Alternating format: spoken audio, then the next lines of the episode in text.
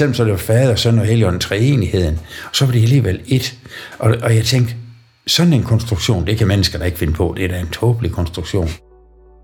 Velkommen til det første afsnit af Mass og jagten på troserfaringer i 2021. I dag der er gæsten Niels Peter Nielsen, som øh, i øjeblikket er han øh, vikarpræst i Vejle Oase Kirke, og øh, ja, han er faktisk sådan set teknisk set pensionist, men der er så meget, stadig så meget gang i ham, at øh, vi simpelthen kom til at lave en, en dobbeltbooking, da vi skulle optage det her afsnit. Øh, det gør, at det er lige lidt kortere, end det plejer, men øh, der kommer også en del to på et tidspunkt, og det, øh, det glæder jeg mig til. I dag er det simpelthen næsten en special. Det handler i dag om Dansk Oase og historien om Dansk Oase, fordi Nils Peter han er sådan set en af the founding fathers bag Dansk Oase, som man kalder det. Og han fortæller om, øh, hvorfor øh, de, de, de i sin tid startede Dansk Oase. Og det er vildt spændende at høre om øh, for en som mig, som er opvokset i den her bevægelse, men ikke nødvendigvis kender historien. Så det var vildt spændende. Niels Peter er en mand, der emmer af begejstring for at tale om Guds ord, og øh, han er også sådan en, der udfordrer tingene direkte. Øh, og det, det er vildt spændende, og jeg, jeg håber, I synes lige så godt om ham, som jeg gør. Inden vi skal høre det, så vil jeg lige komme med en lille anmodning. Fordi hvis du sidder og godt kan lide øh, at, høre den her podcast, øh, og har lyst til at dele med dine venner, så er du så velkommen til at gøre det. Og en af de måder, man kan gøre det, det er vel lige, hvis du hører den på iTunes eller i Apple Podcast, lige gå ind, lige give fem stjerner, så en kort anmeldelse. Fordi det gør, at øh, Apple godt kan lide den her podcast, og så bliver den skudt højere op, og så er der flere, der støder på den, og så er der forhåbentlig flere, der begynder at lytte til den. Det var bare en lille opfordring. Jeg vil bare, øh, jeg vil egentlig bare sige, at øh, ja, her er min snak med Nils Peter Nielsen. Så vil jeg egentlig bare sige øh, velkommen til dig, Nils Peter Nielsen. Øhm, har du lyst til lige hurtigt at starte med at fortælle, hvem du er og hvor du er henne i livet lige nu? Ja, det vil jeg gerne. Jeg er født i 1945, så jeg er en aldrende en af slagsen. Og øh, jeg har hele min barndom været optaget af, af teknik, og havde en plan om, at jeg skulle have min egen virksomhed, og er uddannet som radio- og tv-mekaniker, og har været i, i, i øh, erhvervslivet i, i otte år.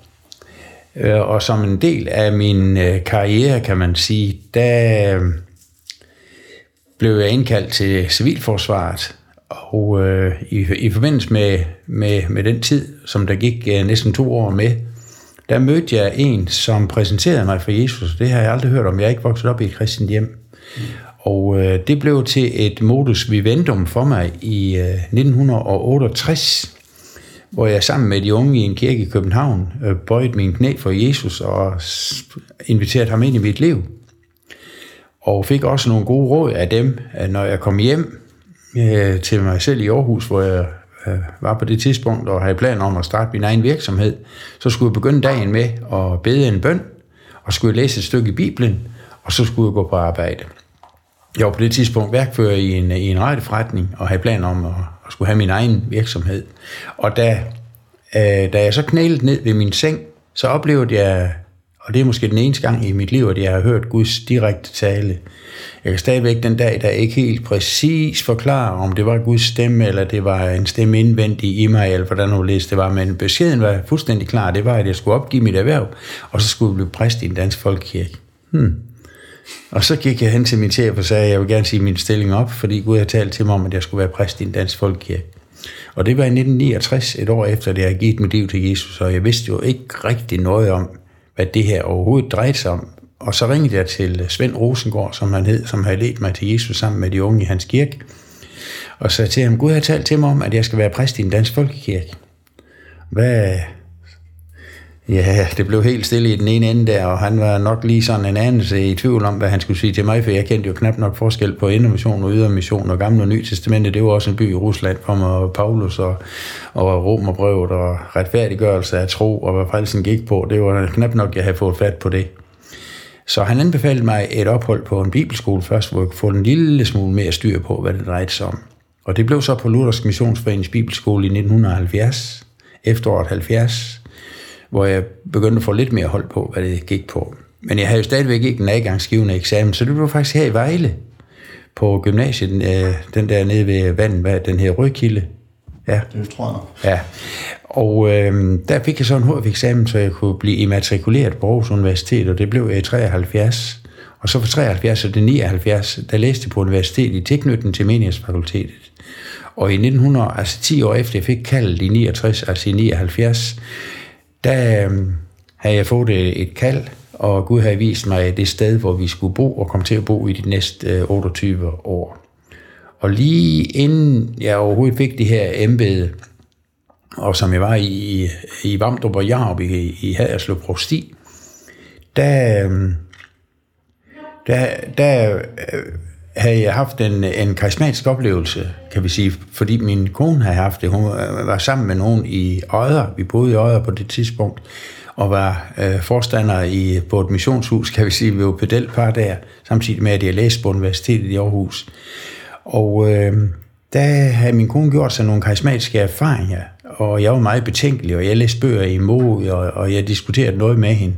Men øh, pludselig så øh, tænkte Gud sikkert på den måde her, han tænkte, det skal han da ikke selv bestemme, om han skal have del i de her ting. Så han gav mig et mægtigt, mægtigt syn.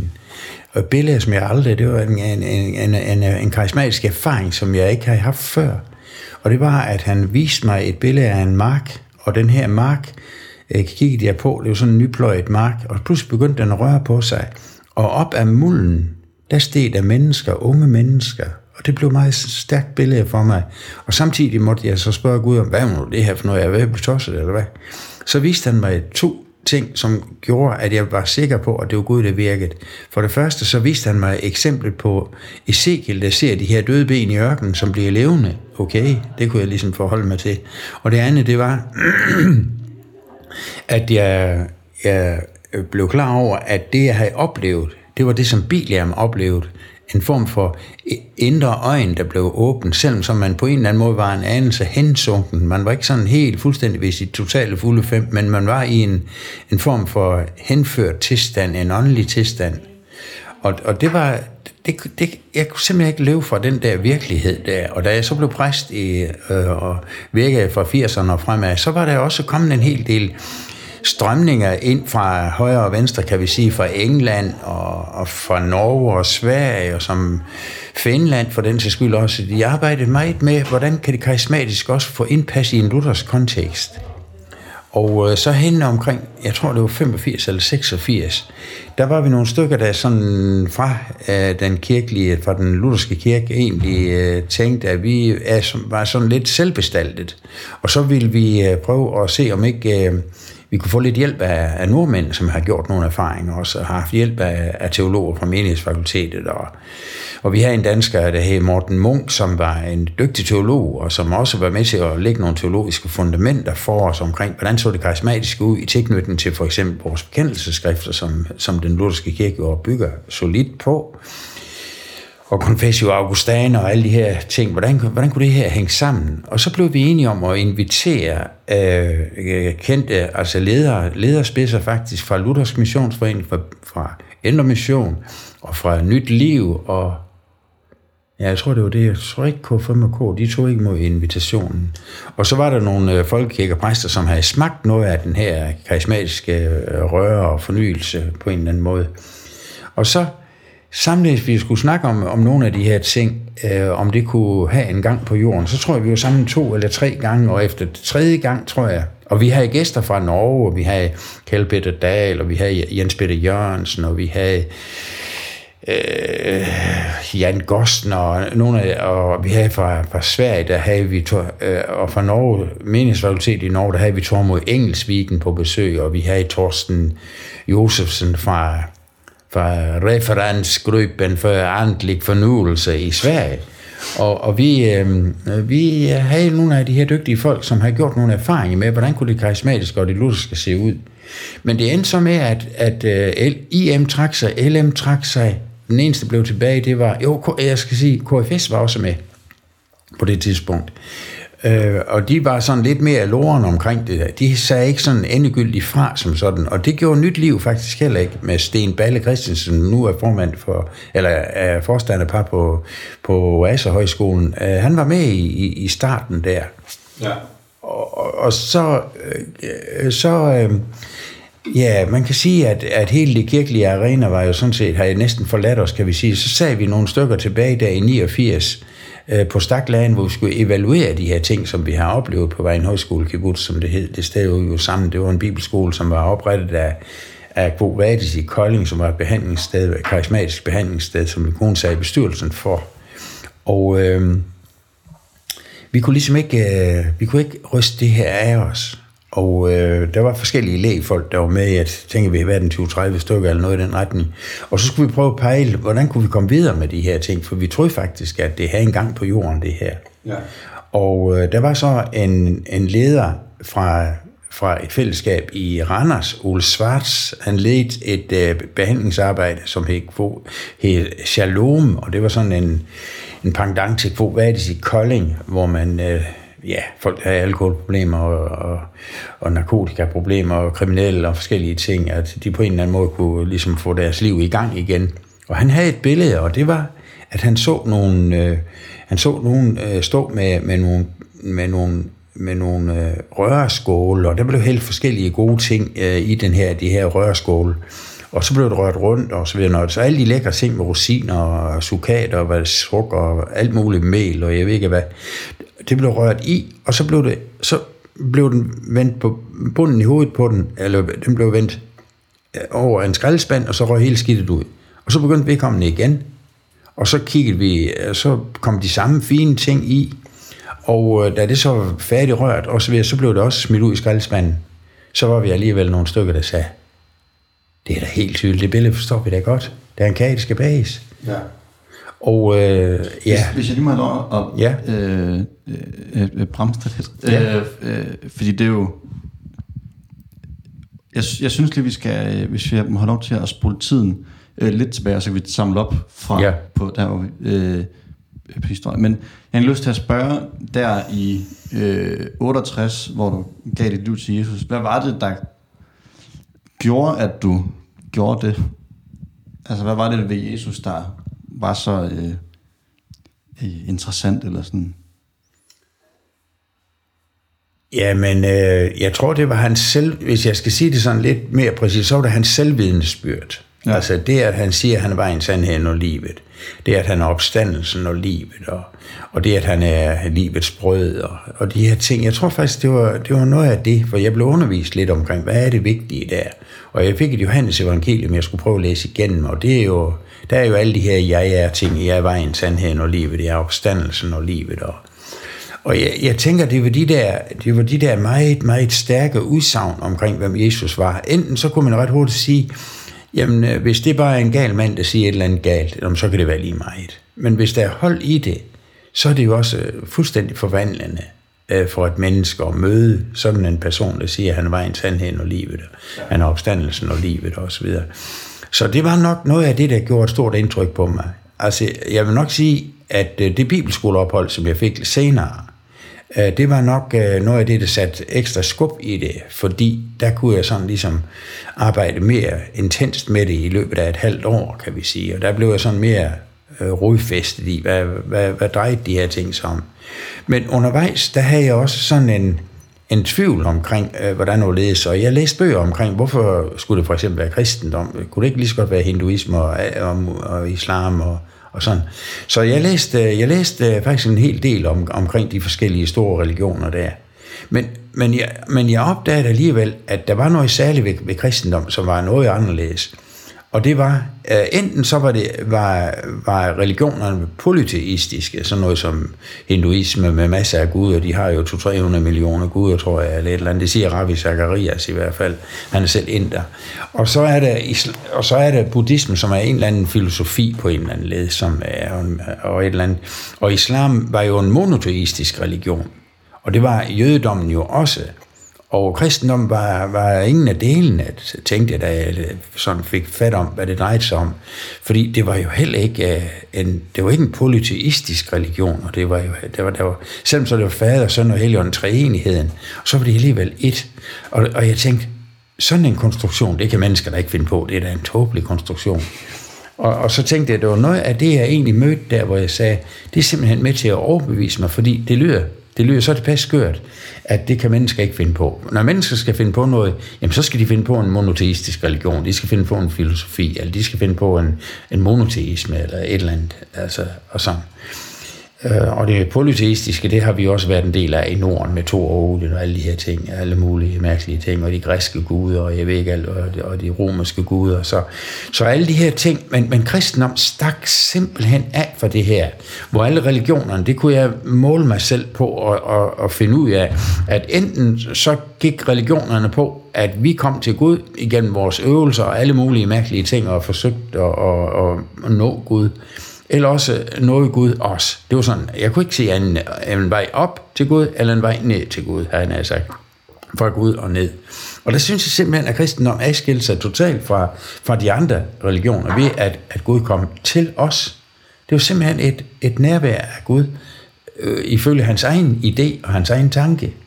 Og det, og det betød, at jeg, at jeg næsten logisk sluttede, at at det her måtte være sandt, fordi det var, det var så ulogisk, at det, det er der ingen, der har fundet på.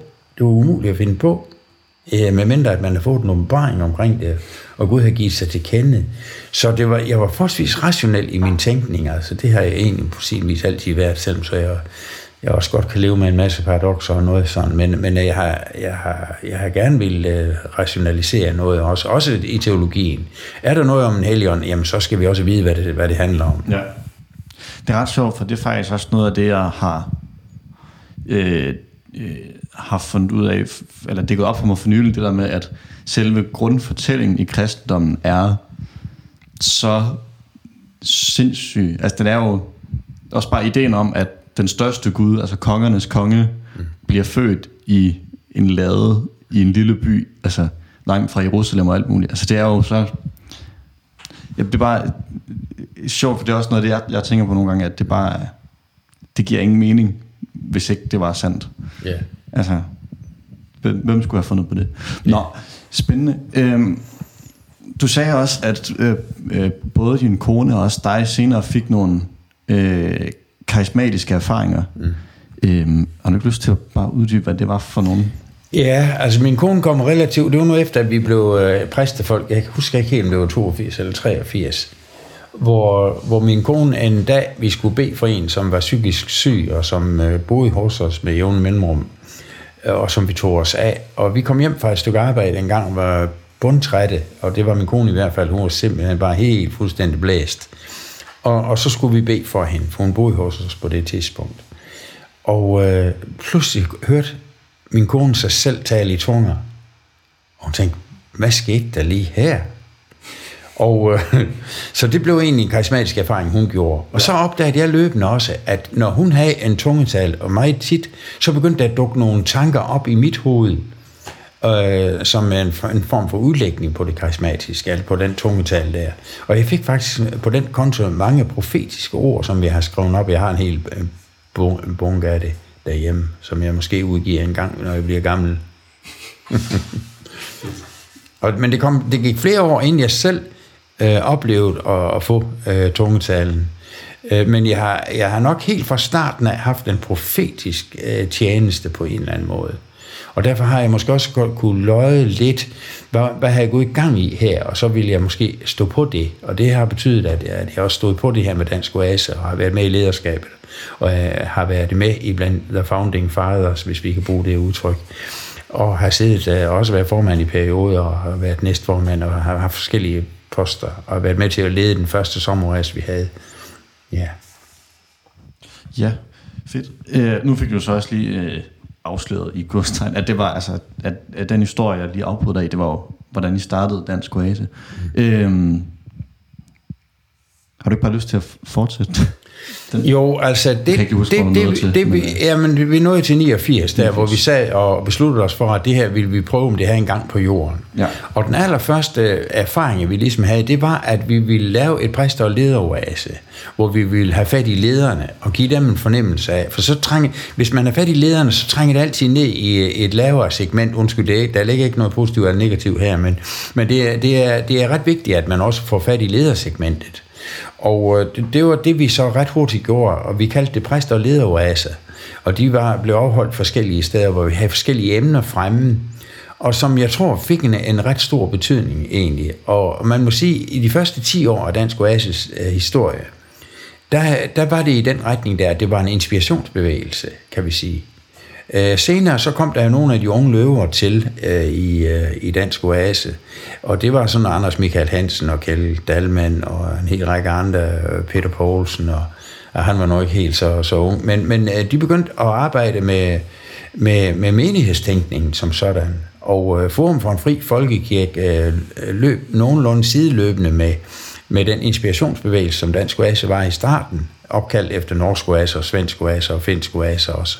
Altså det hed ikke helt det, men det var den samme tanke, at de tre nordiske lande, som var lutherske i deres tænkning og i deres kirkebegreb, at, at vi måtte, vi arbejdede sådan lidt forskelligt. Men, men øh, i 99... Ja. Det, er bare, øh, det er bare lige... Øh, altså så navnet Oase kom egentlig fra, at det var det øh, nordmændene... Nå, ja, nordmændene, ja. Hvorfor kaldte de det det egentlig? Ja, det ved jeg faktisk heller ikke. Det har jeg ikke nogen god forklaring på. Hmm. Øh, jeg tror, det havde lidt med at gøre, at der var en engelsk bevægelse, som, som kaldte sig Oasis. Altså, ja. jamen, jeg, jeg, det, det fortaber sig i det uklare. De hed i hvert fald okay. Norsk Oase. Okay. Og, og, og derfor vi tænkte, det var da et godt navn, og det tager vi da bare med. Så viser ja. det også slægtskabet. Så, så det har vi ikke sådan særlig svært ved. Men svenskerne, de, de, de er først nu kommet til at hedde øh, det her svenske Oase også okay. nu her. Ja, det gør det. Yes.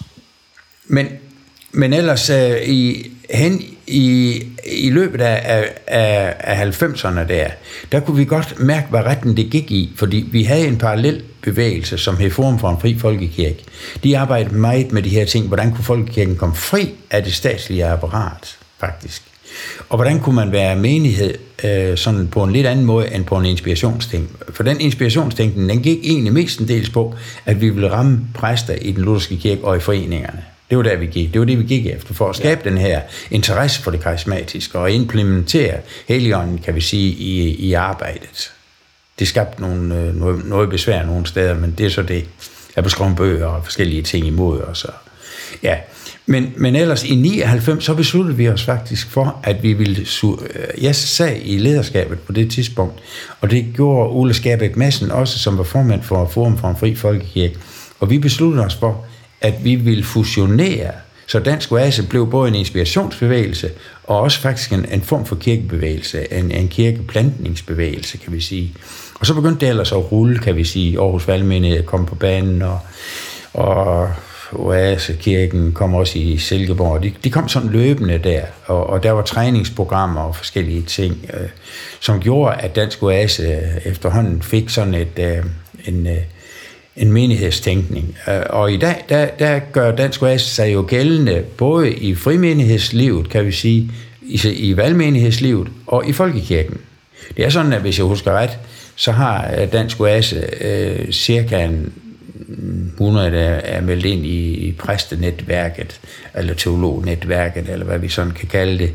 Og, og, og det betyder, at det er faktisk en ret stor berøringsflade, og vi har sådan grov, grov tommelfingerregel, så er der lige så mange i folkekirken, som sidder i folkekirken, præster, der sidder i folkekirkelige sammenhæng, som har et karismatisk tilsnit og, og vil det karismatiske. Selvfølgelig med en lidt sværere måde end for eksempel dem i valgmenigheder, som har lidt større frihed, og dem, der har størst frihed, det er øh, frimenighederne, for eksempel som som Vejle Askirke og Silkeborg Askirke.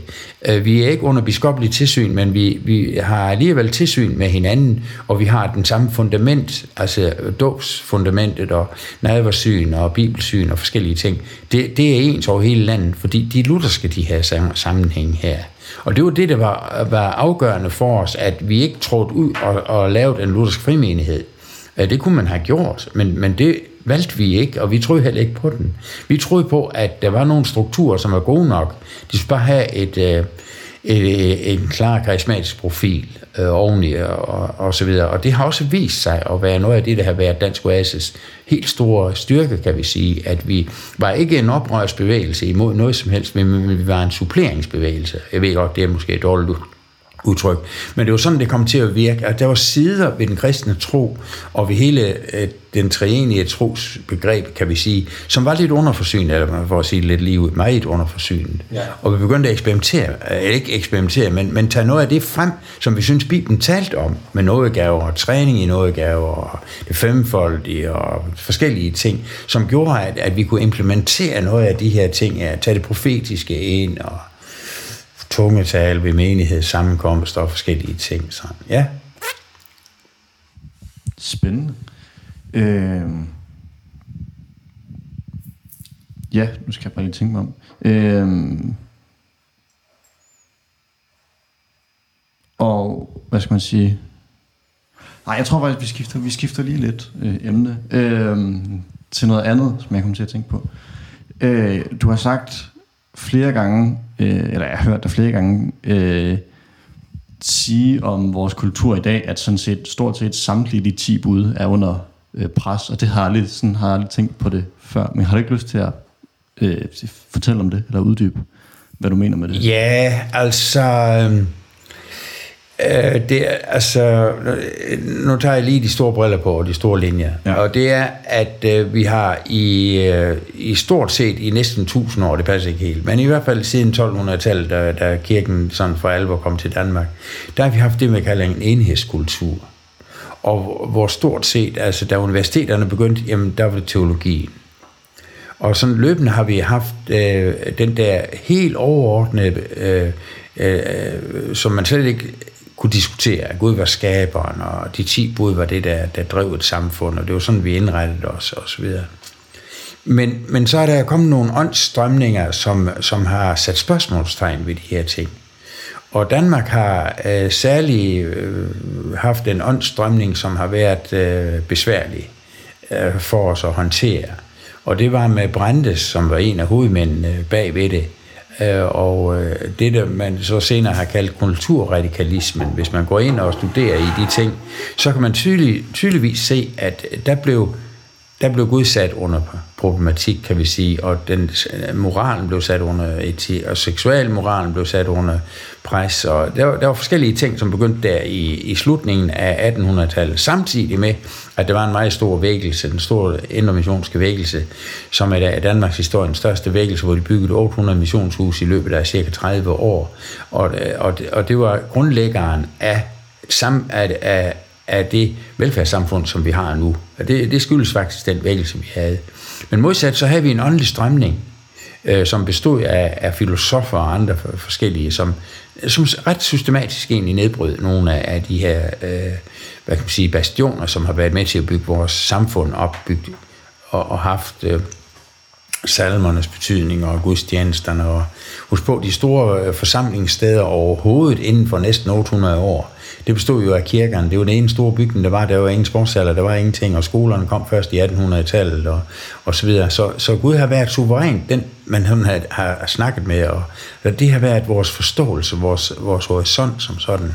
Men i og med nogle af de fremkomster, der var også flere ting i revolutionen i Frankrig, det er et, men, men hvis vi tager Danmark, så tror jeg, man må sige, at, at, at hele den, den uh, radikale tilgang, som kom i kulturradikalismen som sådan, og 68'erne, som overtog en hel del af de her kulturradikale øh, tilbøjeligheder og presset, øh, og der kom fri abort, og der kom alle mulige ting.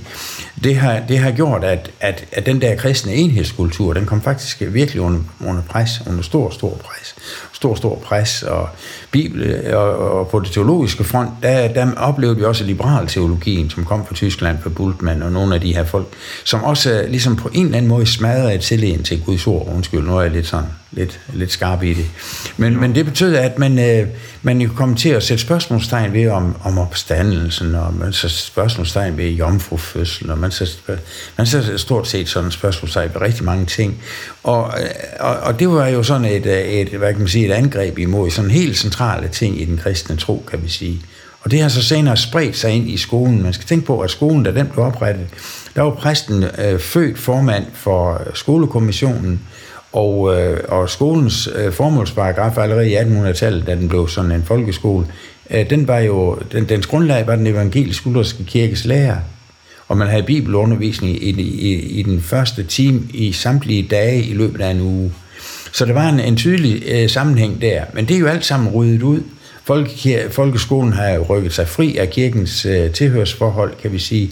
Og det betyder, at øh, vi har næsten ikke sådan nogle kommunikationssteder længere, hvor vi gør rede for, at der er en, en form for enhedskultur, som er, er, er Guds øh, bud og Guds orden og de her ting. Og kristendomsundervisningen er også røgnet ud af skolerne efterhånden.